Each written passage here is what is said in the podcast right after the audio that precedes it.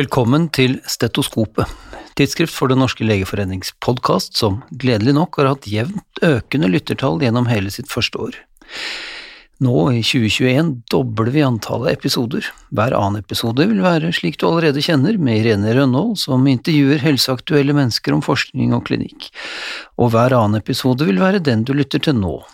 Redaktørens hjørne, der jeg, Are Brean, sjefredaktør i tidsskriftet, gir deg en høyst subjektiv, ofte litt uhøytidelig gjennomgang av de nyeste forskningsartiklene, sakene og debattene i de største internasjonale generellmedisinske tidsskriftene. Sakene er ofte fra de såkalt fem store av de generellmedisinske tidsskriftene, YAMA, Journal of the American Medical Association, BMJ, British Medical Journal, Annals of Internal Medicine, Lancet og uh, New England Journal of Medicine. Men med enkelte avstikkere også til andre tidsskrifter, sånn som vi pleier. Målet er å etterlate deg i alle fall litt mer oppdatert på hva som skjer i den medisinske forskningsverden. Dennis de Sallo, som var den første redaktøren i verdens første vitenskapelige tidsskrift, den franske Journal de Savant, han skrev en gang at tidsskrifter er til for de som enten er så late eller så travle at de ikke har tid til å lese bøker. Vel, her i stetoskopet er redaktørens hjørne til for de som er så travle at de ikke engang har tid til å lese tidsskrifter, men fortsatt vil være litt oppdatert. Og om du lurte, ja, det blir mye covid-19 også denne gang. Det har vært mye diskusjon om deltakerne i covid-vaksinestudiene og hva som skjer med dem, eller med de av dem som bare fikk placebo, slik Ragnhild Østerstavik skrev om i siste nummer av vårt eget tidsskrift. Vi trenger fortsatt data fra placebo-kontrollerte vaksinestudier, skriver WHO sin ekspertgruppe for covid-19-vaksineevaluering i New England Journal of Medicine 14. januar. Kunnskapshullene er fortsatt store, blant annet om både vaksineeffekt og varighet, om alders- og komorbiditetsavhengige faktorer. Ekspertgruppen har full konsensus, skriver de, om at ikke bare må eksisterende placebokontrollerte studier fortsettes blindet, men nye studier må også startes. Sikrere data bidrar dessuten til å styrke publikums tiltro til vaksiner og vaksinering. Klar tale fra ekspertgruppen altså, men neppe egnet til å vaksinere mot videre debatt i denne prinsipielt og praktisk viktige saken. Og mens vi snakker om kliniske vaksinestudier, barn og kvinner sist? Spørsmålstegn. Det spør Beate Kampmann fra London School of Hygiene retorisk i en artikkel i Nature Medicine 13. januar. Bakgrunnen er at barn og gravide ofte er ekskludert i kliniske studier generelt, og nå i covid-19-vaksinestudiene spesielt. Ikke så rart, kanskje, gravide har generelt høyere risiko for komplikasjoner, helt uavhengig av den substansen som prøves ut.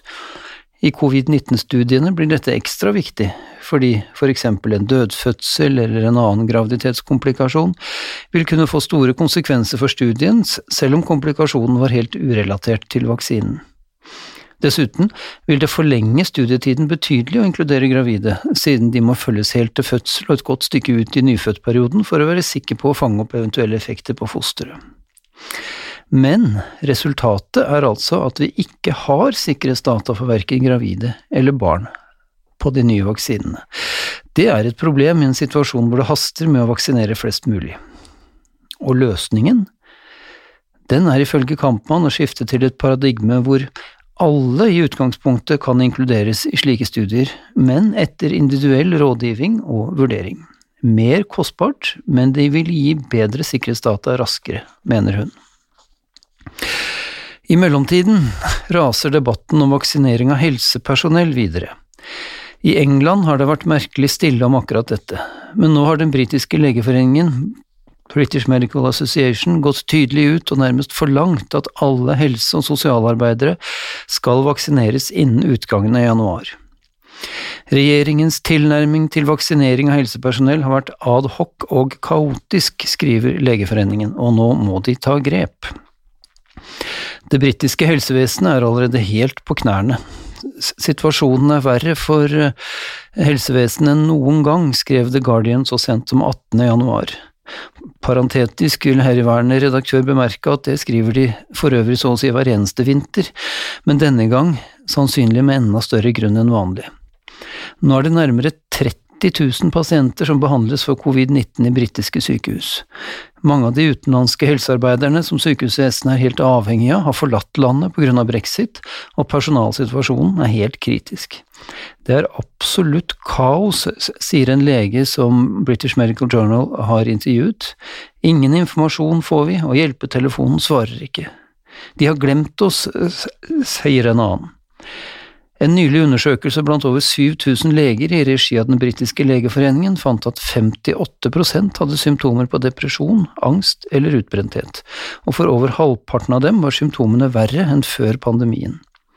Og for mange var skyldfølelsen over ikke å ha rammevilkår til å gjøre en god nok jobb for pasientene noe av det verste. Det blir en tøff vinter i England i år igjen. Og før vi forlater England for en stund, hva betyr brexit for forskning og vitenskap? Det spør tidsskriftet Nature seg i en større artikkel 5. januar. En god del blir overraskende nok som før, takket være avtalen som kom i stand på overtid mellom England og EU. Engelske forskere er fortsatt med i konkurransen om forskningsmidler gjennom EUs forskningsprogram Horizon Europe, men må betale for det på linje med de andre landene. EU og England skal samarbeide om forskning innen Euratom, England er fortsatt med i Copernicus-programmet for satellittforskning og kan fortsatt importere laboratorieutstyr uten nye avgifter. Men klinisk forskning og datadeling over landegrensene vil lide, i alle fall i den første tiden, og britiske studenter er fra 2021 utelukket fra det populære Rasmus-programmet. Det siste etter Englands eget ønske. Og skulle du ønske å arbeide som klinisk lege eller forsker i England etter brexit, må du belage deg på en god del flere byråkratiske hindre enn før. Men der har vi fra Norge heldigvis bilaterale avtaler også fremover. Har du noen gang lurt på hvor det blir av alt engangs smittevernsutstyr etter bruk? Ikke så rent lite av det havner på gaten, slik vi alle kan observere daglig, og av selv det som havner i de rette avfallssekker, går nesten alt bare rett på fyllinga i de fleste land. Men noen tar ansvar. India er landet som er den største eksportøren av slikt utstyr, og produserer nå omtrent 4,5 millioner enheter smittevernutstyr hver eneste dag til bruk i alle verdens land. British Medical Journal forteller historien om kvinnen Lakshmi Menon fra Kerala. Hun benytter avfallet fra noe av denne produksjonen til å lage engangsmadrasser til bruk for covid-19-pasienter på sykehus, og nå også til hjemløse over hele India.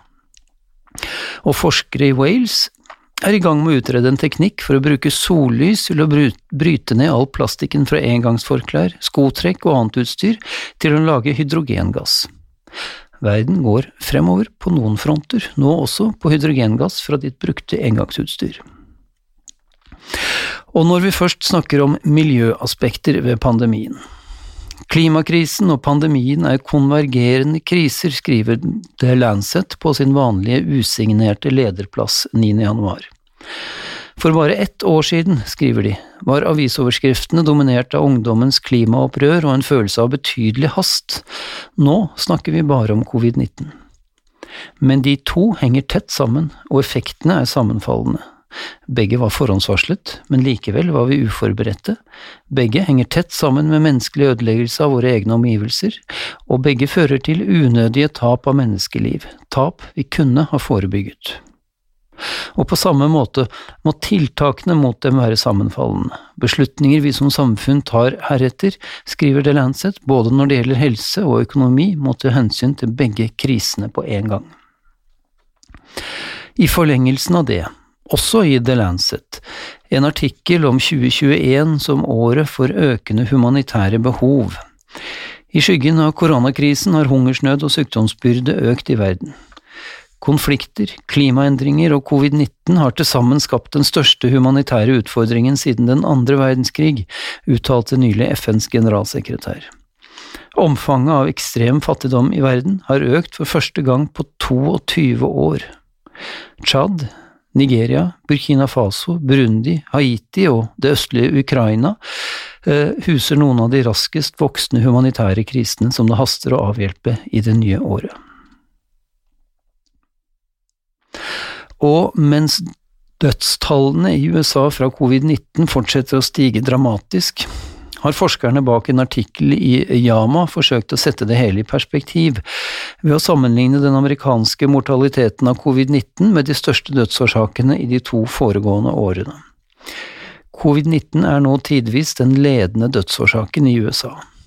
Sammenlignet med de to foregående årene er covid-19 den tredje største dødsårsaken, rett bak hjertesykdom og kreft. Tallene er sannsynlig underestimerte, og de er stigende. I første uke av desember 2020 tredoblet det daglige dødstallet for covid-19 seg i USA. Presidentskiftet kommer også med en forhåpentlig fornyet innsats for å stoppe viruset i en dypt splittet befolkning. Og apropos presidentskiftet i USA. FN har kalt 2021 det internasjonale året for fred og tillit, og 2021 gir nytt håp for Verdens helseorganisasjon, skriver Nature på nylig lederplass. En av Joe Bidens første tiltak som president vil være å få USA tilbake til Verdens helseorganisasjon. Det trengs, for ikke bare er organisasjonen kronisk underfinansiert, men utfordringene står i kø.